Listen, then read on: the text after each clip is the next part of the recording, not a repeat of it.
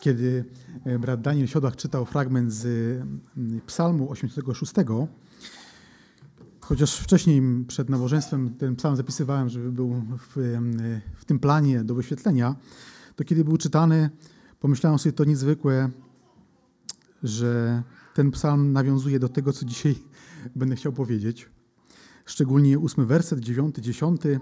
Nie ma bogów podobnych do Ciebie i wszystkie narody oddadzą Ci pokłon. Zobaczymy, że o tym też dzisiejszy fragment z Ewangelii Marka trzeciego rozdziału, o tym ten fragment też będzie dzisiaj opowiadał. Będę chciał o tym dzisiaj wspomnieć. Nie wiem, czy na pewno jest tak, że macie, drodzy bracia, siostry, drodzy przyjaciele, taki fragment albo kilka fragmentów biblijnych, które w momencie, kiedy przeżywamy jakieś trudności, które są wewnątrz nas, może jakieś pokusy. Grzech dobija się do naszych myśli, e, walczymy z nim, może jakieś zewnętrzne sprawy. To mamy jakieś fragmenty Pisma Świętego, które kiedy zdążymy do nich uciec, to wtedy te mroki ciemności, te fragmenty Pisma Świętego rozpraszają. Jednym z takich fragmentów jest e, dla mnie przynajmniej Ewangelie, Chociażby z tego powodu, że całe Pismo Święte, od Księgi Rodzaju do Księgi Objawienia, to świadectwo Pana Jezusa, a Ewangelie objawiają nam osobę Pana Jezusa, Syna Bożego i możemy mieć z Nim bezpośrednią w tekście biblijnym relację. I dzisiaj również będziemy mogli, obserwując Pana Jezusa, Jego reakcję, to co mówił, to jak zachowywał się, można powiedzieć, że Jego osoba jest takim balsamem, który leczy w jakiś sposób zranione serce, a nie trzeba dużo szukać, żeby w tygodniu, czy chociażby w jednym dniu znaleźć taki moment, w którym dochodzimy do ściany i potrzebujemy tego balsamu. Będziemy chcieli dzisiaj także, y, przypatrując się na postać Pana Jezusa, na Jego naturę, używać Pana Jezusa jako probierza do tego, czy cały czas w minionym tygodniu, patrząc na mój tydzień, to nie. To już mówię, że nie ale używając Pana Jezusa jako probierza, czy cały czas podążam dokładnie Jego śladami. Bo osoba, z którą się możemy mierzyć, to tylko Pan Jezus. Będziemy też chcieli nawiązać, będę chciał wyjaśnić takie trzy pytania, które zaznaczę, że one są w tekście czy podczas naszych rozważań. Teraz je tylko zacytuję, odczytam czy podam. Czy każde wyznanie wiary w imię Pana Jezusa jest wyznaniem zbawiającym. To za każdym razem, kiedy ktoś wyznaje Pana Jezusa, to, to znaczy, że tak jest. I jaką postawę serca powinienem mieć, kiedy, kiedy wyznaję Pana Jezusa? Czy to wszystko jedno? I jak wzorem Pana Jezusa mogę pokonywać grzech, świat szatana i, i wpływ świata, w ogóle świata? Odczytamy dzisiaj fragment z Ewangelii Marka, jako takie wprowadzenie trzeciego rozdziału od y, pierwszego wersetu. Y, odczytamy od pierwszego do dwunastego. Pierwszą część tego fragmentu już omawialiśmy parę tygodni temu, ale chcę to zrobić jeszcze raz od pierwszego wersetu jako takie tło, a zajmiemy się dzisiaj fragmentem między, 12, między 7 a 12 wersetem. Marka trzeci rozdział od pierwszego.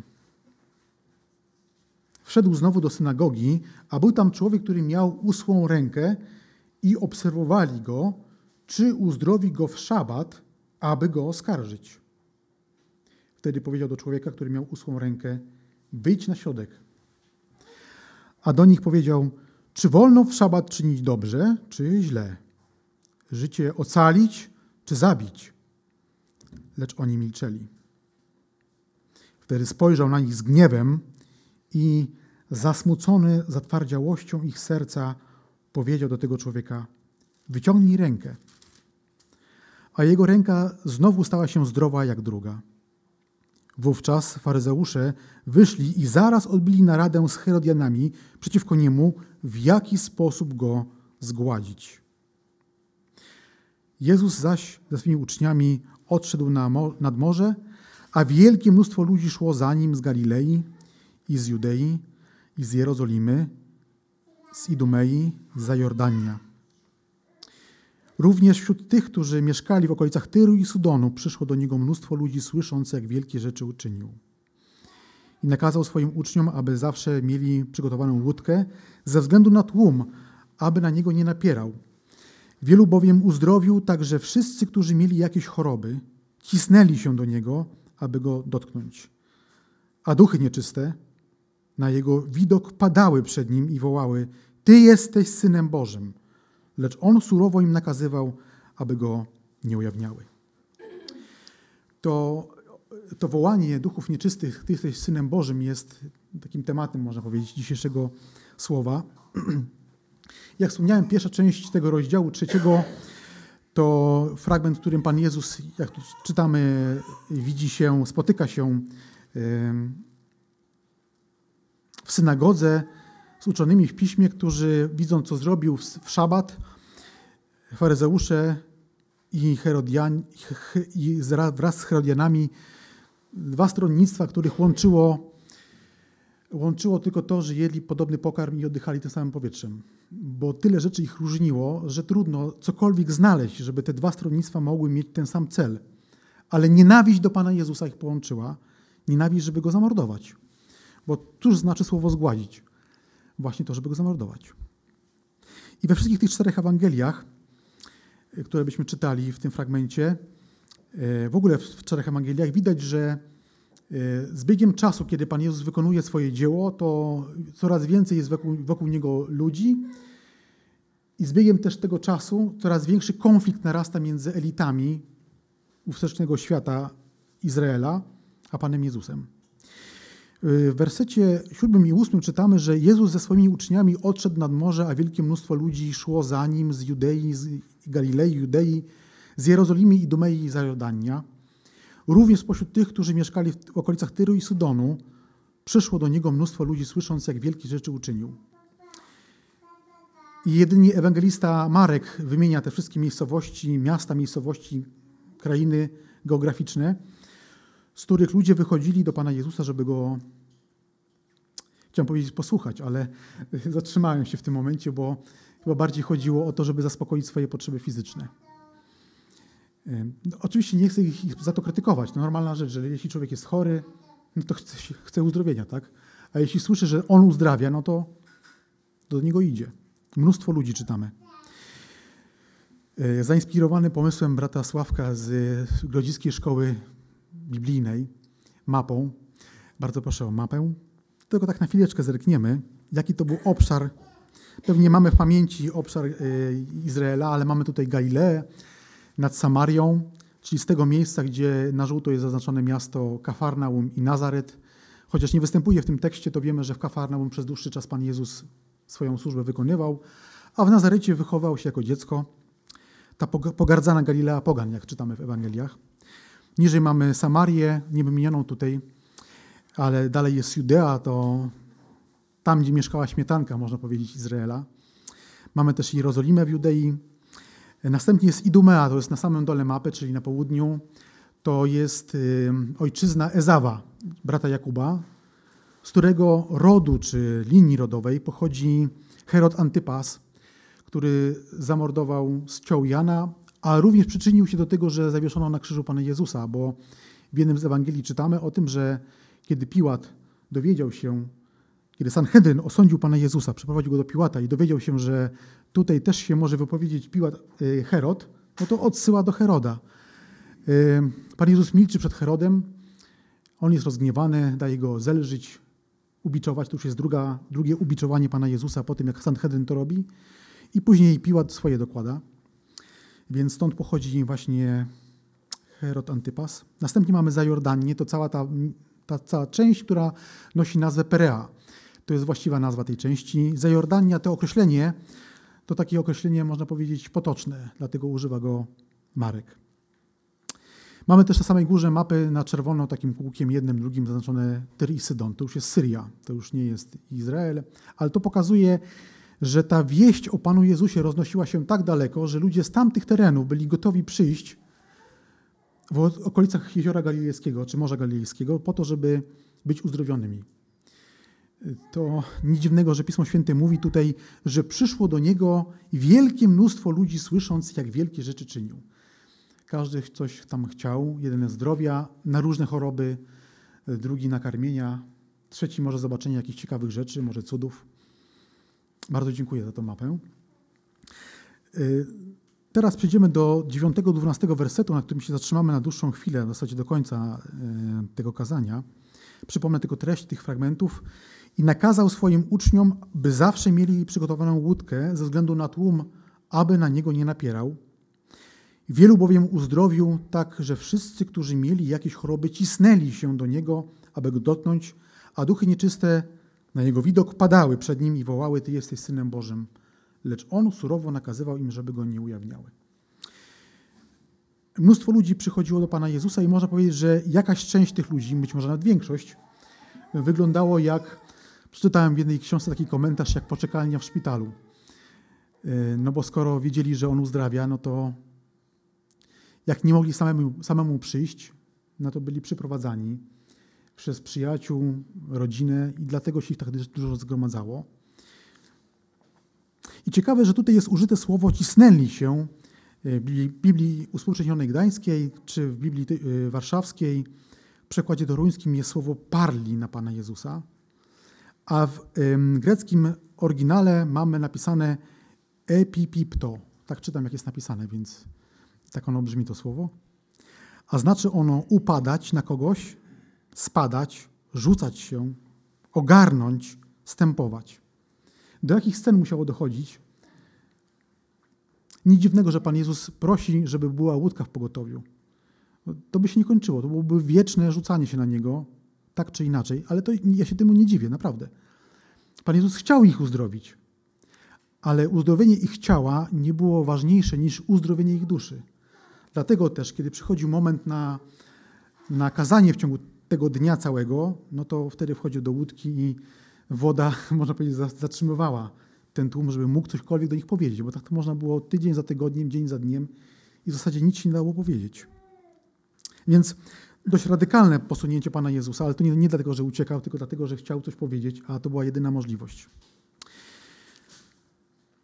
Taka ciekawostka jeszcze, tym słowem epipipto też jest ono używane w Piśmie Świętym, głównie w dziejach apostolskich, do tego, żeby określić stąpowanie Ducha Świętego na chrześcijan, którzy dokonywali w mocy Ducha Świętego jakichś wielkich dzieł. Więc to było przemożne doznanie mocy Ducha Świętego, tak można powiedzieć. Przechodząc dalej w naszych rozważaniach, mamy drugą część tego fragmentu między 7 a 12 wersetem trzeciego rozdziału Marka. Widzimy Pana Jezusa w Ewangeliach, jak staje w konfrontacji z demonami. Już w pierwszym rozdziale to widzieliśmy, w synagodze również to się wydarzyło, kiedy człowiek opętany przez demona, przez, przez demona, ten demon się czuł dobrze w synagodze, bo uczestniczył w spotkaniach w synagodze, ale przestał się czuć dobrze, jak y, spotkał się z Panem Jezusem. I wtedy powiedział słowa: Cóż mamy z Tobą, Jezusie Nazareński? Przyszedłeś nas zgubić? Wiem, kim Ty jesteś, święty Boży. A te demony, które były w tym tłumie, w tych ludziach, którzy przychodzili do Pana Jezusa, musiało być ich dużo, bo czytamy, że padały przed Nim i wołały: Ty jesteś Synem Bożym. I wydaje się, że to bardzo dobrze, że tak miało miejsce. Bo jeśli Pan Jezus chciał pokazać, że On jest tym, który jest, że On jest tym Jahwe, który się objawił w krzaku chociażby Mojżeszowi, tym, który był dowódcą wojsk Izraela, który się pokazał Jozuemu, tym, który mówił w spotkaniu z Abrahamem, no to skoro świat, świat ciemności pada przed tym człowiekiem, no to to nie jest zwykły prorok. Albo nie chodzi, jak inni mówili, w mocy Eliasza. To musi być Syn Boży. Ale Pan Jezus nie przyjmuje tego uwielbienia. One nie tylko wołały, Ty jesteś Synem Bożym, ale również padały, więc można powiedzieć, no oddają Mu cześć, to dobrze. Ale Pan Jezus nie przyjmuje tej czci. Gromi ich surowo, jak to czytamy. Złe duchy dobrze wiedzą, że wiedziały i wiedzą, że Jezus Chrystus jest Synem Bożym. Wiedzą o Jego boskiej naturze, więc ich wyznanie ty jesteś Synem Bożym, było zgodne z prawdą. Ale czy nie jest tak, że kiedy zaglądamy do Pisma Świętego, to wszędzie, gdzie czytamy o jakichś wypowiedziach złych duchów, szatana czy demonów, Widzimy to podczas kuszenia Pana Jezusa i widzimy to także podczas rozmowy diabła z Ewą.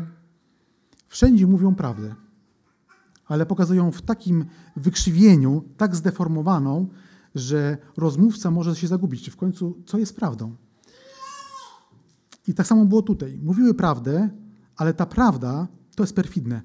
Chciały się posłużyć prawdą o Panu Jezusie, żeby mu zaszkodzić. Bo już w 22 wersecie trzeciego rozdziału Ewangelii Marka, jeśli Pan pozwoli, będziemy o tym mówić w przyszłości, zarzucano Jezusowi, że jest w zmowie, w konszachcie z diabłem i dzięki temu właśnie, że ma moce diabelskie, to może wypędzać demony. Więc poniekąd ich y, chytry plan się udał. Poniekąd, bo później zobaczymy, że, że tak nie było. Więc Pan Jezus odrzuca y, to, że demony składają o nim świadectwo, ale to mnie skłoniło do, takiego, do takiej myśli, takiego wniosku, że ważne są intencje tego, co robimy i mówimy, i intencje zazwyczaj są ważniejsze niż to, jaki jest owoc naszego działania czy mówienia. Samo wyznanie przez człowieka, to jest to pierwsze pytanie, które na początku zadałem, czy każde wyznanie wiary w imię Pana Jezusa jest wyznaniem, wyznaniem wiary właśnie, wyznaniem zbawiającym. Samo wyznanie, że Pan Jezus jest Panem Panów i Królem Królów, wcale nie musi być zbawiające, wcale nie musi być wyznaniem wiary. Usta mówią, ale co mówi serce? Jeśli serce oświadczającego jest w niewłaściwym stanie, to może bardzo dużo powiedzieć. Takie wyznanie nie jest wyznaniem wiary, przynajmniej nie jest zbawiającym wyznaniem wiary, nie musi takim być. Ale jaka jest różnica i jak tę różnicę dostrzec między jednym a drugim wyznaniem? I zanim odpowiem na to pytanie w kilku fragmentach Pisma Świętego i wniosku, to chciałem zrobić taką krótką uwagę. Będę się posługiwał tutaj, nazwę to takim technicznym określeniem, a w zasadzie dwoma, które brzmi zbawcza wiara albo wyznanie zbawczej wiary. I to nie jest jakiś protestancki nowotwór słowny, tylko to jest określenie techniczne, które pozwoli mi precyzyjnie wyrazić myśli. Bo nie znajdziemy takich sformułowań w Piśmie Świętym. Tak samo w Piśmie Świętym nie znajdziemy słowa Trójca, ale posługujemy się tym pięknym słowem po to, żeby określić nieokreślone. Nie znajdziemy go w Piśmie Świętym, ale jak wyrazić to, co wiemy o Bogu z Pisma Świętego w zgrabny, krótki sposób? No to używamy tego technicznego słowa, które nie jest natchnione, ale pozwala nam to określić. Tak samo ja będę się posługiwał sformułowaniem zbawcza wiara albo wyznanie zbawczej wiary zamiennie, bo to jest mm, taki synonim. I bardzo proszę, zerknijmy też do Pisma Świętego, 1 Koryntian, 2, 12 rozdział, 3, 3 werset, też będziemy mieli go wyświetlonego, możemy go odszukać. 1 Koryntian 12, 3.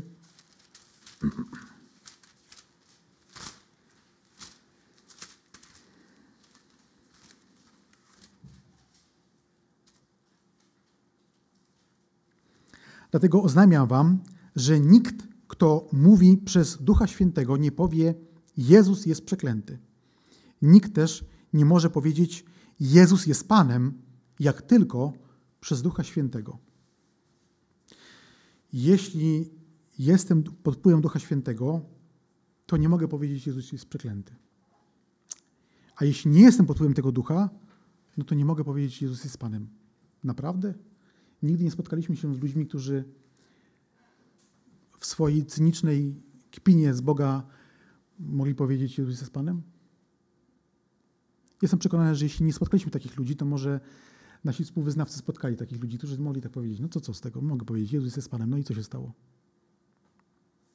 No więc czy to wyznanie było wyznaniem wiary? No bo skoro tak powiedział, nie pod wpływem Ducha Świętego, mogło być to nawet takie wypowiedzenie natchnione, czy inaczej powiem, namaszczone jakimś specjalnym tonem głosu. Jezus jest Panem. Ale czy to o to chodzi? Y, to określenie, które tutaj mamy, to wyrażenie czy wyznanie wiary, zbawcze wyznanie wiary, trzeba rozpatrzeć pod kątem biblijnym, czy jest to biblijne wyznanie wiary. Ale co to znaczy, że biblijne wyznanie wiary? Sprecyzuję tą myśl właśnie wyznanie wiary, które, pochodzi, które określa Pismo Święte i ono pochodzi z prawdziwego wnętrza tego człowieka, zawiera w sobie przynajmniej dwa elementy, które są ze sobą złączone, a nawet y, przenikają się nawzajem. Teraz określę te dwa elementy. To jest przyznanie Bogu wszelkich praw do mnie. Y, oddanie się Bogu w całości tym, kim, je, kim jestem. Powierzenie Bogu w całości samego siebie, swojego życia, zarzucenie swojej woli na rzecz woli Boga. Czyli reasumując te wszystkie hasła w jedno, można powiedzieć, że jest to uznanie siebie za całkowicie zależnego od woli Boga. To jest jedna część tego biblijnego wyznania wiary, a druga część to uznanie siebie za niezdolnego czy za niewystarczająco dobrego, czy w żaden sposób nie mogącego osiągnąć zbawienia samej, samemu z siebie, ze swojego postępowania, ze swoich uczynków. Czyli uznanie siebie za zależnego od Boga w całości i uznanie, że nie jestem w stanie nic zrobić, żeby podobać się Bogu, nawet jeśli robię coś, coś dobrego, to na pewno w tym miał udział Bóg. Zobaczmy przykład Pisma Świętego, e, takiego wyznania wiary, które jest wyznaniem wiary, można powiedzieć, prawdziwym, biblijnym. Na przykład e, posłużę się tutaj przykładem z, z Łukasza, 23 rozdział. Tego fragmentu nie zobaczymy. Możemy odszukać, ale też powiem o, co tam, o co, co tam jest. Zacytuję jeden fragment. Jeśli chcecie, możemy zobaczyć tam. Łukasza, 23 rozdział. E, tam od 39, trochę wcześniej, mamy obraz tego, że Pan Jezus jest na krzyżu. Razem z nim są inni złoczyńcy. W pierwszym momencie oni razem złożyczą Panu Jezusowi. Na jednym z kazań y, słyszałem, które słuchałem, słyszałem, że na krzyżu mógł, człowiek ukrzyżowany robić tylko dwie rzeczy.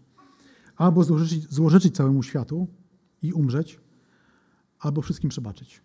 I w zasadzie, jak się nad tym zastanowić, to rzeczywiście nic się innego nie da zrobić. Człowiek jest unieruchomiony i wie, że już, że już na pewno umrze. Więc.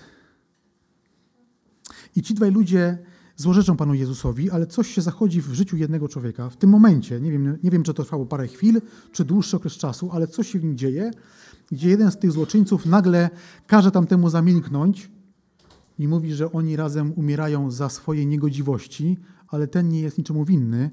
I później mówi do Pana Jezusa: Panie, wspomnij na mnie, gdy przyjdziesz do swojego królestwa. To jest wyznanie wiary.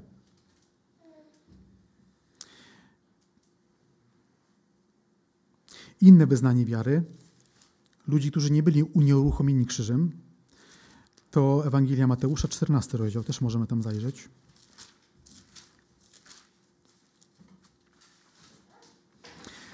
Od 31 wersetu, a powiem może w dwóch zdaniach, jakie to, jest, jaka to są, jakie to są okoliczności. Jest burza, uczniowie na łódce. Pan Jezus przychodzi do nich po wodzie, po Morzu Galilejskim. Piotr wychodzi, wiemy, że to go przeraża, traci wiarę, Pan Jezus go wyciąga, to jest, mamy, mamy 31 werset.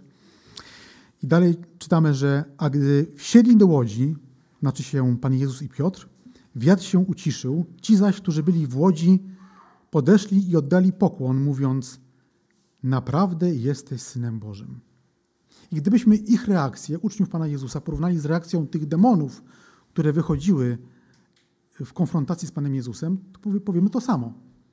Demony też padały przed Panem Jezusem i wyznawały, Ty jesteś Synem Bożym, i oni w zasadzie powiedzieli to samo. No to jaka różnica? Jedni drudzy wyznali coś pięknego. Jedno wyznanie Pan Jezus przyjmuje, bo e, widzi intencje, i drugie nie przyjmuje, bo też widzi intencje. Zatem to nie wszystko jedno, jak człowiek, z jakich intencji mówi coś Bogu. Całkowite zaufanie Panu Jezusowi zawsze owocuje jakimś szczególnym zachowaniem, szczególnym trybem życia. Po złoczyńcy, który wisiał na krzyżu, no, trudno było oczekiwać, że nagle coś zrobi takiego, co mógłby udowodnić swoim życiem, że jego wyznanie jest prawdziwe, ale jednak te dowody są. Bo jego wyznanie, Panie, wspomnij na mnie, czy jesteś w swoim królestwie, pada po tym, jak powiedział do swojego współzłoczyńcy, z którym przed chwilą, albo przed dłuższą chwilą, nie wiem, godziną chociażby, sam złożyczył Panu Jezusowi, to teraz zmienia się, musi e, połknąć ten wstyd, że sam to robił i powiedzieć do niego, słuchaj, dość, już zamilcz. Więc jest w tym człowieku chęć zrobienia czegoś, co jest dowodem jego wiary. Nie ma takiej możliwości, więc robi to, co może. Ale apostołowie mogą, mówi tutaj o tym w przykładzie z Mateusza 14 rozdziału, więc dają tego dowód, padają przed Panem Jezusem, wyznają swoją wiarę. Zatem samo wyznanie wiary przez człowieka, samo wyznanie ustami może być tylko mową ust, ale może być mową serca, które widać na ustach. I widzimy to też y, w przeciwnym y, przykładzie. Taki przeciwny przykład to jest tych ludzi, którzy stoją pod krzyżem Chrystusowym i mówią z drwiną: Stąd z krzyża, a uwierzymy. To się, to się nie stało, ale tak wnioskuję, że gdyby Pan Jezus stąpił z krzyża, to na pewno jakaś część by nie uwierzyła, tylko powiedziała: Wow, dał radę. No bo skoro do tej pory w niego nie uwierzyli, no to, to ten moment zapewne by ich nie przekonał. Co wcale ich nie przekreśla, bo wiemy, że Ewangelia jest głoszona dalej i być może niektórzy z nich. Yy, po w niebo wstąpieniu Pana Jezusa na przystaniu przyłączyli się. Wiemy, że nawet nie, duża rzesza kapłanów i faryzeuszy się przyłączyła, więc ten przykład Pana Jezusa działa, ale chodzi o to, że ludzie, którzy mówią coś z nieczystego serca, to nawet takie zapewnienie, że wierzą w Boga, może być, może być bezpodstawne. Dlaczego Pismo Święte, dlaczego Nowe Przymierze, Nowy Testament odróżnia te dwie, te dwa rodzaje yy, wyznania wiary. Ludzie niewierzący, niewierzący w taki sposób, w jaki to opisuje Pismo Święte, nie wyznający Boga w taki sposób, jak my wyznajemy, niewierzący w osobowego Boga, nawet ludzie wykształceni yy, są tacy naukowcy, którzy przyznają, że musi istnieć jakaś siła, którą wierzący nazywają Bogiem, jakaś siła sprawcza. Ludzie, którzy zajmują się biologią i fizyką, wiedzą, że są prawa, które nie da się podważyć, chociażby prawo jeśli dobrze pamiętam, drugie prawo termodynamiki mówi o tym, że we wszechświecie energia powinna być rozproszona z materią idealnie, rozłożyć się e, równo. Tak to ogólnie powiem. A jednak coś sprawia, coś każe materii tworzyć planety, gwiazdy, całe układy i to się nie rozpada, to cały czas istnieje. To się kłóci z tym prawem, które poznali metodą doświadczalną. Z dziedziny biologii jest, takie, jest taka, takie prawo jak prawo biogenezy, które mówi o tym, że życie może powstać tylko z istniejącego życia. No a skąd się wziął na Ziemi? Przyznają, owszem, może być jakaś siła sprawcza. Jeśli chcesz ją nazywać Bogiem, nazywaj sobie ją Bogiem. Ale to nie jest wyznanie wiary. Wyznanie wiary jest dziełem Boga, który przychodzi do serca człowieka i pracuje nad tym sercem i ona się otwiera na Boga i w, w sposób y, połączenia tego, tej pracy Ducha Świętego na sercu człowieka i z tym, do czego człowiek jest gotowy powiedzieć, pomyśleć i uwierzyć, wtedy dochodzi do tego wyznania. Ja tak starałem się to opisać y, swoimi słowami, to co tutaj było w tym pytaniu, czy każde wyznanie wiary jest zbawczą, zbawczym wyznaniem. No nie, nie, wiemy, że nie. Natomiast apostoł Paweł to dużo zgrabniej opisał w kilku słowach. Bardzo proszę zwróćmy uwagę na to. To jest list do Rzymian. Możemy go odszukać, będzie też wyświetlony. Dziesiąty rozdział, ósmy do jedenastego.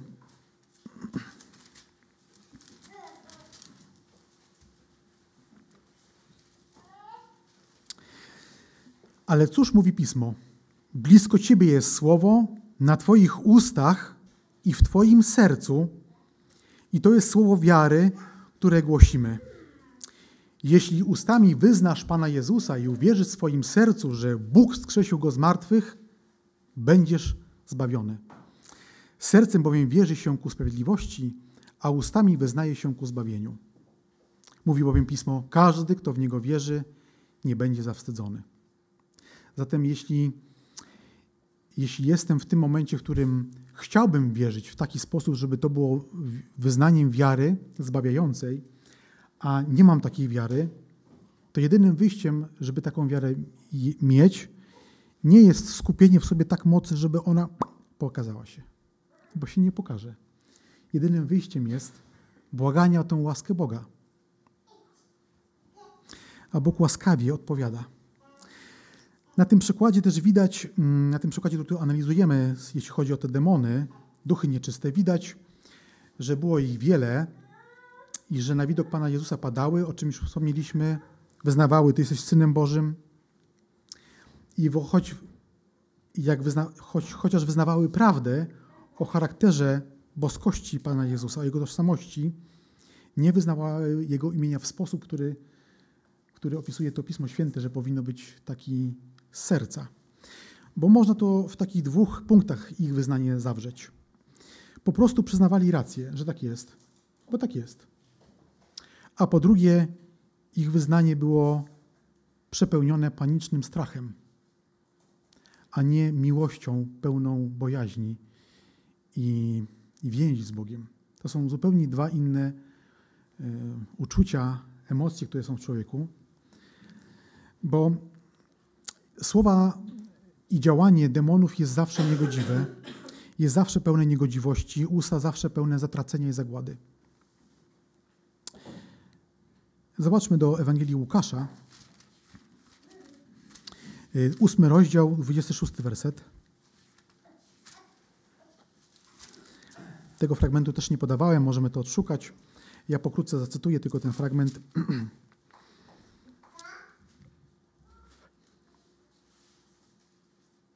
Mamy tam sytuację, kiedy Pan Jezus przeprawia się z zachodniego brzegu e, Morza Galilejskiego na wschodni do krainy Gedarańczyków i tam wybiega mu człowiek, który zachowuje się jak opętany i nim jest, ale do tego stopnia, że zupełnie, zupełnie inaczej on żyje niż ci opętani, których Pan Jezus do tej pory spotkał.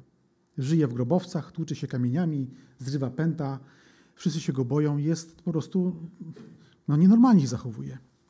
Zobaczmy na werset 30. Y, Pan Jezus go i zapytał go Jezus, jak ci na imię? Może wpierw to zdanie. Niezwykłe zdanie. Jeśli Pan Jezus nie byłby partnerem do rozmowy z demonami, to mogliby go lekceważyć. Pytasz nas to imię? Uciekaj stąd. Ale nie, te demony grzecznie odpowiadają. I odpowiedział legion, i wiele bowiem demonów weszło w niego. Legion w tym, w tym kontekście wojskowym to jest od kilka tysięcy żołnierzy, tak? biorąc pod uwagę legion rzymski. I jakbyśmy go nie definiowali, to mamy w piśmie napisane, napisane, że było ich wielu, może tysiące demonów w jednym człowieku. Pan Jezus pyta ich o imię, oni się przedstawiają, ale powiem wam, że kiedy w jakiś sposób mnie y, przyciska realność życia, to mam takie fragmenty w Ewangeliach między innymi, które pozwalają mi patrzeć, że mój Pan jest ponad tym wszystkim. I to jest ten fragment. Zobaczmy na 31 werset. Wtedy prosiły Go, aby nie kazał im odejść stamtąd do otchłani. Ktoś, kto cały czas rzuca drugiej osobie kłody pod nogi. Cokolwiek nie zrobi, to chce zniszczyć jego dzieło. Cokolwiek nie zrobi, jest jego oponentem i, i y, zawziętym wrogiem, a teraz ten wróg, który działa cały czas przeciwko Bogu, prosi go, żeby tylko nie do otchłani. Zastanawiałem się, czym musi być otchłań dla demonów, że są przerażone tym, tą realnością. Tylko nie do otchłani. Pan Jezus nawet ich nie odsyła do otchłani. Chociaż taki jest ich los, bo się zbuntowali przeciwko Bogu, to pozwala im wejść w świnie. Ale ten, ten fragment pokazuje mi, że wszelkie zło w konfrontacji z Panem Jezusem nie ma prawa istnieć. Nie istnieje. A my jesteśmy dziećmi Boga. Skoro tak, jakie zło może nas dotknąć?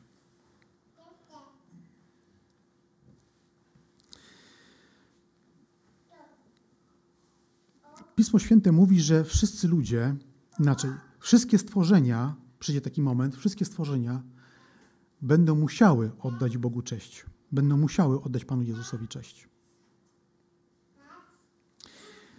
Otwórzmy może list do Rzymian. To jest, y, odczytam je porównując. List do Rzymian, E, to jest czternasty rozdział i porównamy go zaraz z listem do Filipian, drugi rozdział. Też będziemy mogli go zobaczyć wyświetlonego, jeden i drugi. Od 11 wersetu. List do Rzymian. Jest bowiem napisane, jak żyję, mówi Pan, ugnie się przede mną każde kolano i każdy język będzie wołał, wysławiał Boga.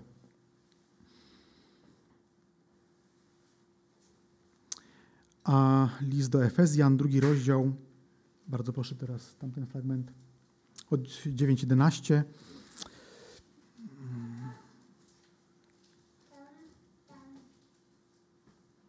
Dlatego też Bóg wielce go wywyższył i dał mu imię, które jest ponad wszelkie imię, aby na imię Jezusa zgięło się wszelkie kolano na niebie, na ziemi i pod ziemią i aby wszelki język, nie chodzi tu o rodzaj języków, tylko o usta, które to będą mówić, wszelki język wyznał, że Jezus Chrystus jest Panem ku chwale Boga Ojca.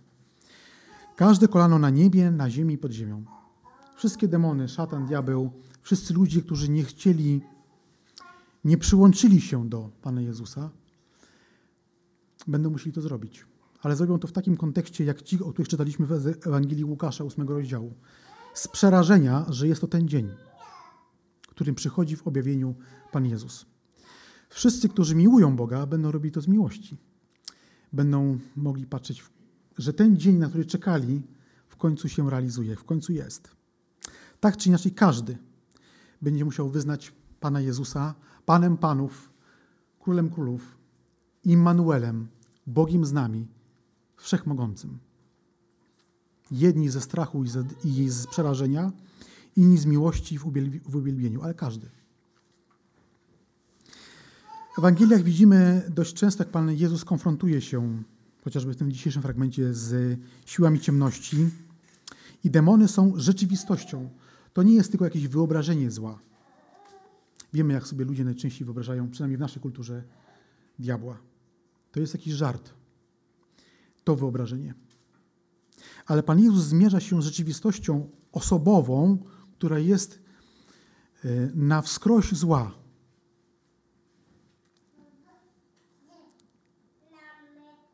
Tak naprawdę, gdyby pod tym kątem czytać całe Pismo Święte, to jedynie Ewangelie i to w kontekście tego, kiedy mówią o Panu Jezusie, widzimy najdokładniejsze objawienie zła szatana i demonów, jakie są ich cele i działanie. I Pan Jezus, jako święty Boży, w konfrontacji z szatanem, z siłami zła, obdarza je. I ciekawe jest to, że pokonuje szatana i demony, ten świat ciemności, świat grzechu, ich własną bronią. Bo z wyniku grzechu, który szatan sprowadził na ludzkość, a my tylko go pomnażamy, y, to wynikiem grzechu jest śmierć. Pan Jezus tą bronią, którą używa szatan, żeby pociągać jak najwięcej ludzi do otchłani za sobą, Pan Jezus tą bronią, śmiercią, zbawia ludzkość. Paradoks, który, który tylko Bóg mógł zrealizować. Co ciekawe, w tej śmierci widać miłość. Ludzie mówią często, że miłość jest największym, największą siłą we wszechświecie. To jest taki frazes, który często nic nie znaczy, ale Pan Jezus jest miłością. I kiedy umiera na krzyżu, to nawet ci, którzy z Niego drwią, stąp z krzyża i a siebie uwierzymy, to nawet o nich mówi Boże im, wybacz im Ojcze, bo nie wiedzą, co, co robią. Jak pojąć tą miłość? Jak pojąć tą miłość, którą Pan Jezus mówi, aby nakarmić wroga, który przed chwilą chciał mojej śmierci. To tylko w mocy Ducha Świętego jest osiągalne. Nasze, przynajmniej moje wewnętrzne e, ja mówi, e, podłóż mu nogę, jeśli się taka okazja nadarzy. A Pan Jezus mówi nie. Jeszcze taka, taki inny wniosek, który też widać coraz bardziej w chrześcijaństwie ogólnie pojętym, który przenika z religii wschodu, to tak zwany dualizm. Kojarzymy sobie yin-yang, to, dobro i to zło, które musi być w równowadze na świecie, bo wtedy jest dobrze. A Pismo Święte mówi, że wtedy będzie dobrze, kiedy Bóg usunie wszelkie zło. Bo Bóg jest absolutnie dobry, nie ma w nim dualizmu, że trochę jest zły, trochę dobry, jak to się równoważy, to jest fajnie.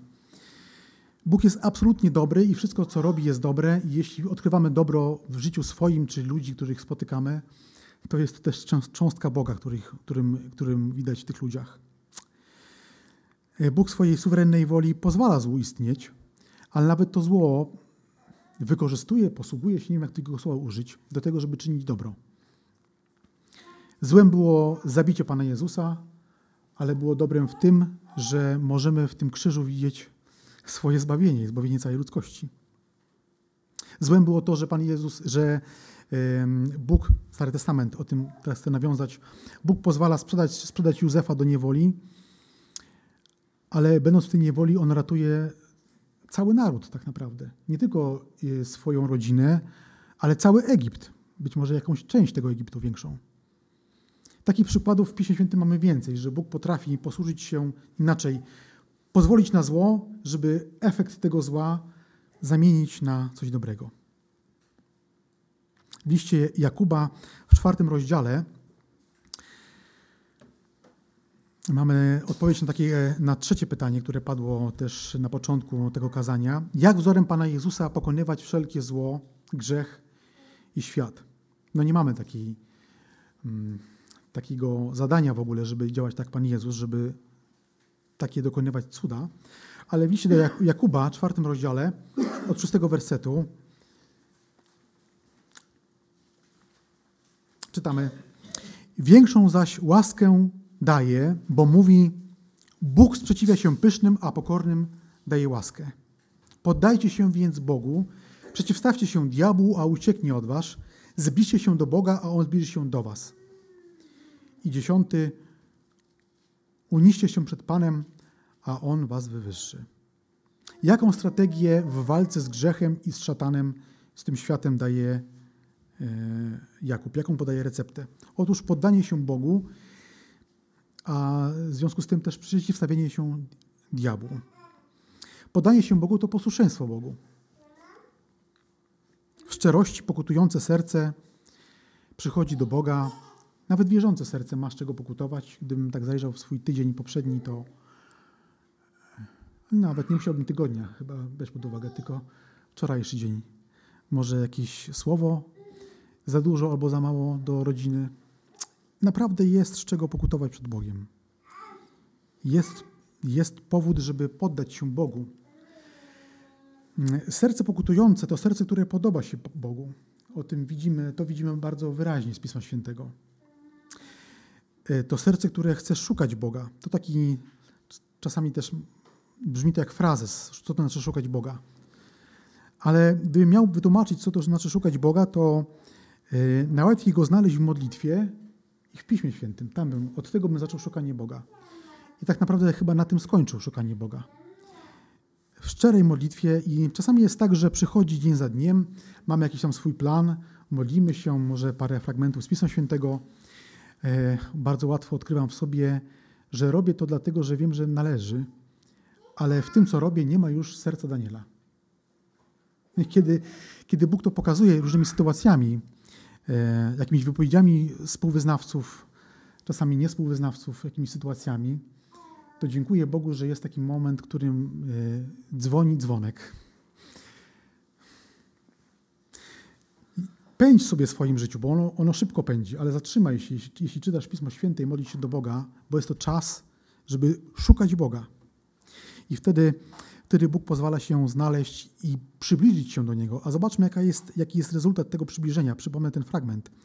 Jakub pisze, zbliżcie się do Boga, a On zbliży się do was. Jeśli jesteśmy w obecności Boga bardzo blisko, to czy szatan, świat, grzech może nas, może nas kształtować? W żadnym wypadku. Nawet jeśli jakieś pokusy się pojawiają w mojej głowie, bo się będą pojawiały, to jest to tylko moment pojawienia się, ale będę mógł sobie z nimi poradzić w mocy Ducha Świętego. Zatem żarliwe wołanie Boga, do Boga w modlitwie, gorliwe zaspokajanie swojego głodu duchowego Pismem Świętym to takie proste rzeczy. To o tym w zasadzie wiemy od momentu nawrócenia, ale to cały czas działa. To cały czas ma swoją moc. Wobec świętości potęgi Pana Jezusa wszelka diabelska moc pierzcha, a świat y, mojego wnętrza, mówię świat w tym sensie, że my też jesteśmy bardzo bogaci i głębocy, badani przez Boga. Świat, który może być w nas, jakieś elementy pokus też będą uciekały przed Panem Jezusem, jeśli będzie cały czas nas mieszkał, a to też jest nasza praca w tym, żeby tak było. Na zakończenie zobaczmy na fragment z pierwszego listu Jana, piąty rozdział, 18 do 20 wersetu. Wiemy, że każdy, kto narodził się z Boga, nie grzeszy. Tu słowo uściślenia chodzi o to, aby nie trwać w grzechu, aby nie procedować grzechu, aby nie pozostawać w grzechu, aby nie uprawiać grzechu, aby nie planować grzechu świadomie, tak bym to powiedział. Kto się narodził z Boga nie grzeszy, ale kto się narodził z Boga zachowuje siebie samego, a złego nie dotyka. Wiemy, że jesteśmy z Boga, a cały świat tkwi w niegodziwości. A wiemy, że Syn Boży przyszedł i dał nam rozum. I dał nam rozum, abyśmy poznali prawdziwego Boga i jesteśmy w tym prawdziwym. To jest w Jego Synu, Jezusie Chrystusie. On jest prawdziwym Bogiem i życiem wiecznym. Panu Jezusowi chwała. Amen.